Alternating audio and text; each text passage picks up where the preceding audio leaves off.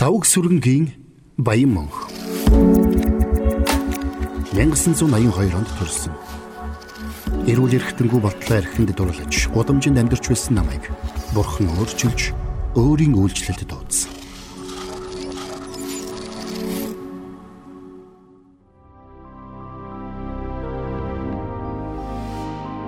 Хүнд зөв мэд санагдавч төгсгөл нь өхөл рүү хөдөлдөг зам байдаг.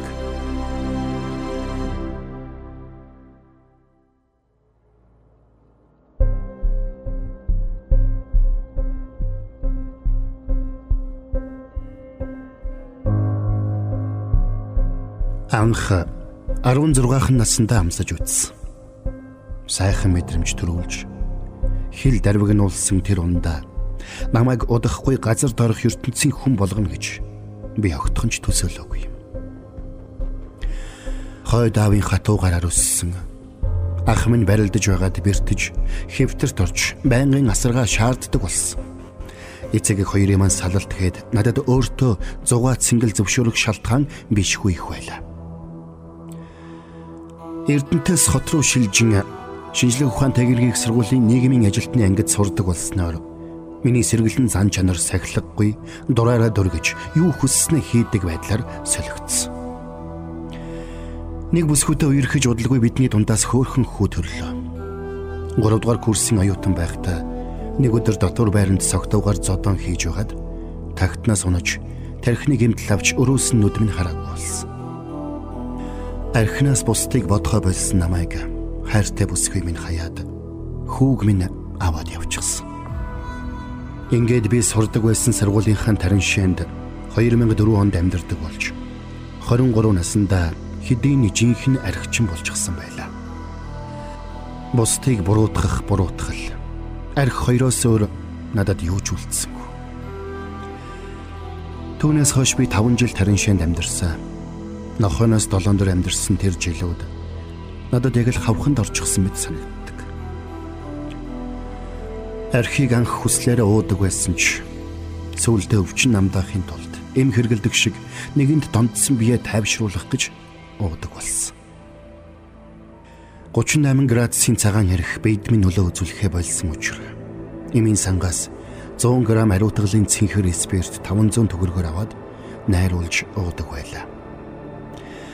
5 литр найруулсан спирт өдөр бүр уусаар хэдэн жилиг өнгөрөөсөн бие минь тэр их хорыг яаж шингээж байсныг би одоо ч гайхдаг.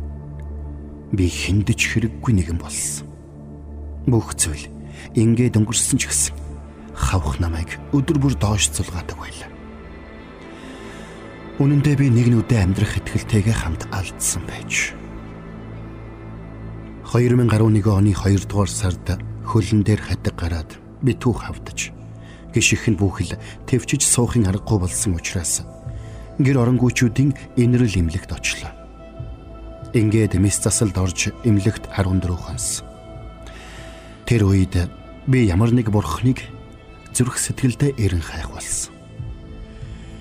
Тэр эмнэлгийн совилогч заяа гэдэг адар хааштай эмэгтэй аимшигтай хатуу бөгөөд үнэн үгээр намайг зэмлдэг байлаа. Гэтэл яг эмнэлгээс гарах болоход намайг үргэлж хатуугаар зэмлдэг өнөөх заяа совлогч амглан ивэл төвийн болдох оюун гэрэл эгчтэй танилцуулж амьдрах байртай болгосон юм. Гар хөлөө түлсэн, тайруулсан, гэмтсэн хүмүүсээр дүүрсэн тэр жижигхэн өрөөнд ороход хүнд зөв мэд санагдавч төгсгөл нь үхэл рүү хөдөлдөг зам байдаг. Гээд биччихсэн үгсээс би өөрийгөө олж харсан сургаалт үгс 14-12. Яг надад зориулсан мэт тэр өгүүлбэрээс болж би эзэн Есүс Христийг зүрхэндээ хүлээж авсан. Ингээд 2012 онд өөрчлөгдсөн амьдрал төрийн бус байгууллагад хамрагдах боллоо. Би маш их өөрчлөгдөж, Бурханаас цаг үргэлж цэвэр зүрхийг л гоёх болсон. Ингээд 2 жилийн дараа нийгмийн амьдралд хөл тавьж 2013 онд Хятадын компанид сарын 100 мянган төгрөгийн цалинтай цэвэрлэгчийн ажил хийж оройгоор үндэсний техникийн их сургуульд сурч эхэлсэн юм. Ангийнхаа тунгалах хэмээх ихчмэд бүсгүйд дурлсан ч тэр надад хүүхэд төрүүлдэггүй эмэгтэй гэдгээ хэллээ. Өөрийнхөө өнгөрсөн түүхээс ичиж амьдралаа нуудаг байсан би Библийн түүхийн Сара Хана нарын түүхэнд итгэж эхнэрийнхээ хөвлөдөө гар тавьж залбирдаг байсан. Залбирч эхэлснээс хойш нэг сарын дараа энгүүн охин минь ээжийнхээ хөвлөд бүрлдсэн юм. Өнгөрсөн амьдралаасаа ичиж нуудаг байсан би яагаад түүн дээр зөвхөн ус буцалгагч тортой хувцастайгаа очсон. Би маань яагаад бүхэлдээ түлэгдсэн соривтаг. Намайг өөрчилсөн бурхны талаар их нэртэй ярьж гэр бүлэрээ итгэгч болсон. Арх их уусны гайгаар эрүүл эрхтэнгүй залуу. Хүүхэдтэй болох боломжгүй эмэгтэй хоёрын дундаас үртэй болсон нь зөвхөн бурхны л хийж чадах ажил байсан. Тэр өөрөө ч ариун майраас төрсэн билээ. 2016 оны нэг өдөр гэртээ зурагтын сувг солиод хийх ажилгүй хэвтэж байсан би гинэд тайван биш нэг л их цохол дуулчихсан. Яг тэр үед бурхан надтай ярьсан. Би чамайг ингээд хоёр өрөө байранд үзэх юмгүй эрхлээд хэвтэж бай гэж сонгоогүй. Бусад ч ч одоо гудамжинд байна. Би өөр хэн нэгнийг сонгож болох байсан гэлээ. Хачирхалтай нь маргааш нь гинэт утас дуугараад сайн хөрш нийгэмлэгийн сэргэлт төслөөс залгасан юм. Ингээд би ямар ч эргэлзээгүйгээр архинд донтсон иргэдэд үйлчлэх үйлчлэлд орж тогоож, жолоож, сэтгэл зүйж, үсчингээд хийж болох бүх ажлыг хийж эхэлсэн. Бурхны чиглүүлсэн газар очиход дандаа тариншаанд хамт байсан нөхдүүд минь байсан. Тэдний ихэнх нь хэдийн нас урсан байлаа. Тэр нулимстай үйлчлэл донд би ямар учраас тэгэж амьдэрсэн аа. Яагаад энэ үйлчлэлд дуудагдсан болохоо ойлгож үлээ.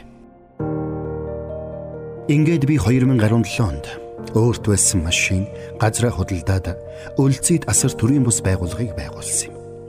Учир нь яг над шиг нэг ч гэсэн хүний ам аврагдаасаа гэж би хүссэн юм.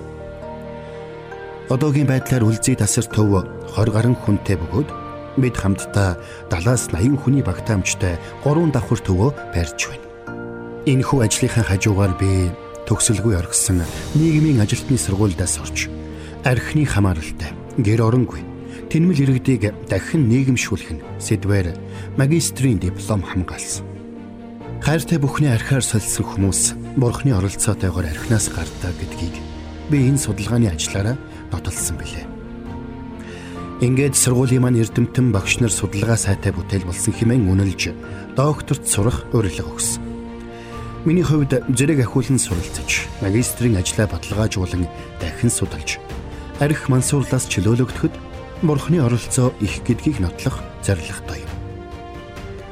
Арх гэдэг үгний ард маш олон төрлийн гим нүгэл нуугдж байдаг.